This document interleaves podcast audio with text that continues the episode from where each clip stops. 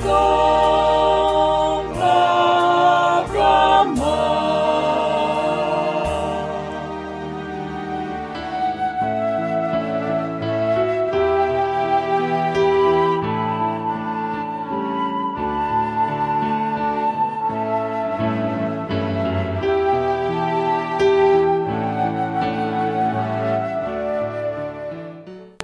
Harian HKBP Romangun, ikutlah aku pada Minggu Advent keempat 20 Desember 2020 dengan tema Kerajaan Mesias yang kokoh selamanya.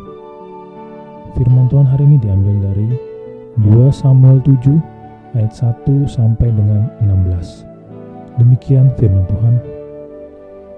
Ketika raja telah menetap di rumahnya dan Tuhan telah mengaruniakan keamanan kepadanya terhadap semua musuhnya di sekeliling, berkatlah raja kepada Nabi Nathan, Lihatlah, aku ini diam dalam rumah dari kayu aras, padahal tabut Allah diam di bawah tenda. Lalu berkatalah Nathan kepada raja, Baik, lakukanlah segala sesuatu yang dikandung hatimu, sebab Tuhan menyertai engkau. Tetapi pada malam itu juga datanglah firman Tuhan kepada Nathan demikian. Pergilah, katakanlah kepada hambaku Daud, beginilah firman Tuhan. Masakan engkau yang mendirikan rumah bagiku untuk kudiami?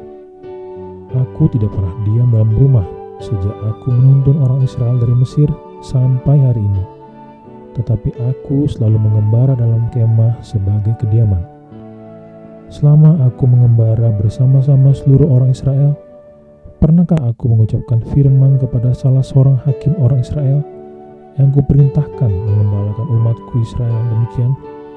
Mengapa kamu tidak mendirikan bagiku rumah dari kayu aras? Oleh sebab itu, beginilah kau katakan kepada hambaku Daud. Beginilah firman Tuhan semesta alam. Akulah yang mengambil engkau dari padang ketika menggiring kambing domba untuk menjadi raja atas umatku Israel. Aku telah menyertai engkau di segala tempat yang kau jalani dan telah melenyapkan segala musuhmu dari depanmu.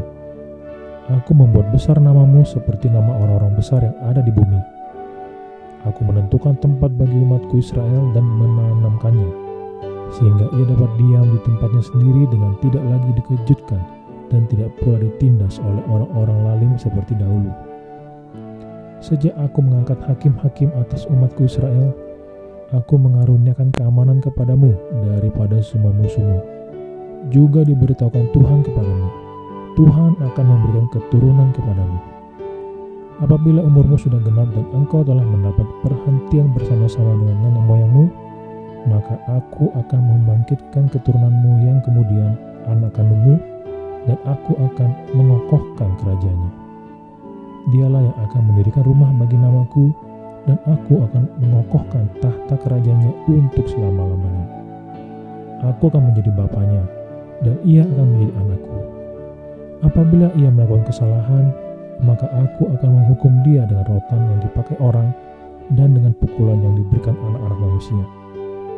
Tetapi kasih setiaku tidak akan hilang daripadanya, seperti yang kuhilangkan daripada Saul yang telah kujauhkan dari hadapanmu keluarga dan kerajaanmu akan kokoh untuk selama-lamanya di hadapanku.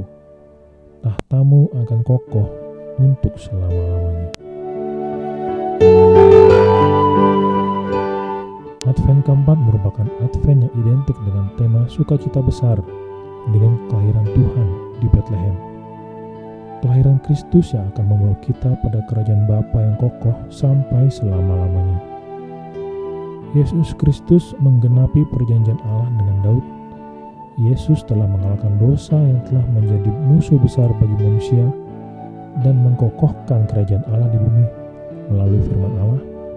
Dalam pengharapan ia telah lahir untuk membangun bait suci kepada Allah di mana bahwa tubuh dari Yesus sendirilah adalah bait suci Allah tersebut. Sedangkan dalam keselamatan ia telah rela mati di kayu salib untuk menebus dosa manusia dan menyelamatkan manusia dari dosa dan menyelamatkan manusia kepada terang Allah yang ajaib. Yesus telah menjadi raja. Yesus telah menjadi bait suci bagi Allah. Dan Yesus telah menyelamatkan manusia dari dosa. Sungguh rancangan yang sangat indah.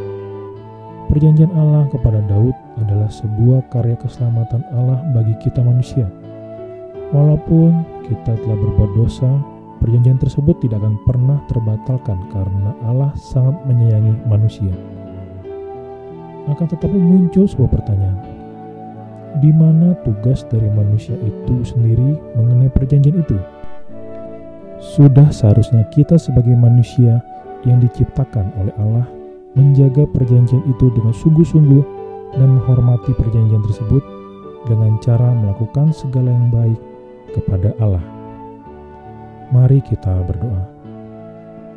Allah Bapa, perlengkapi hati dan pikiran kami menanti dan menyambut Engkau dalam Kristus pada hari akhir nanti. Amin.